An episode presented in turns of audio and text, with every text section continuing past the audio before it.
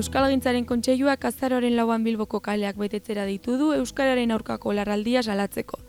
Manifestazioa ratxeldeko bostetan hasiko da Euskaldunatik eta udaletxean amaituko da. Euskararen eta Euskaliztunen eskuiden kontra eginiko epaiak gaitzesteko egingo den manifestazioen leloa jakinarazi du gaur kontseiluak Bilbon eginiko ageraldian. Idur Eskizabel Euskal Gintzaren Kontseiluko idazkari nagusia. Euskaltzalei eta orokorrean hizkuntza berdintasunean, justizia sozialean eta bizikidetzan sinesten duten herritar guztiei datorren azaroaren lauan bali horien defentsan Bilbon bertan egingo dugun manifestazioan parte hartzeko deia egin genien. Maiatzaren amarrean lelo zehatz bat gabe aurkeztu genuen ekimena. Hain zuzen ere, ekimen honek euskaltzale denok eta hizkuntz berdintasunean sinisten dugun guztiok geure egiteko moduko goiburua behartzuela iritzita prozesu ireki moduan planteatu genuelako. Eragilen ekarpenak jasotzeko prest.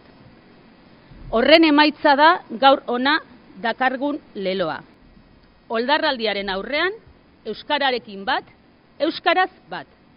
Eskizabelen hitzetan oldarraldi eta olatu erreakzionarioen gainetik, Euskararen normalizazioan eta biziberritzen eragiteko eta sakontzeko unea dela dirazi nahi du Euskararekin bat horrek. Euskaraz bat horren bidez, Euskara gizarte koesierako tresna dela gaineratu du. Bestalde, azaroren lauan egingo den manifestazioen parte hartzeko deia egin du kontseiluak norbanako zein eragile sozialei. Euskara gizarte koesiorako, berdintasunerako eta justizia sozialerako ezinbesteko osagaia dela.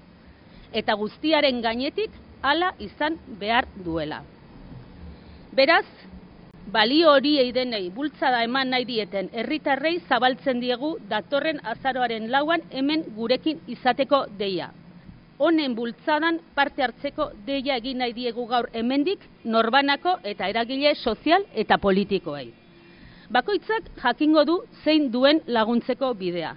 Bakoitzak baditu bere egiteko molde eta ereduak.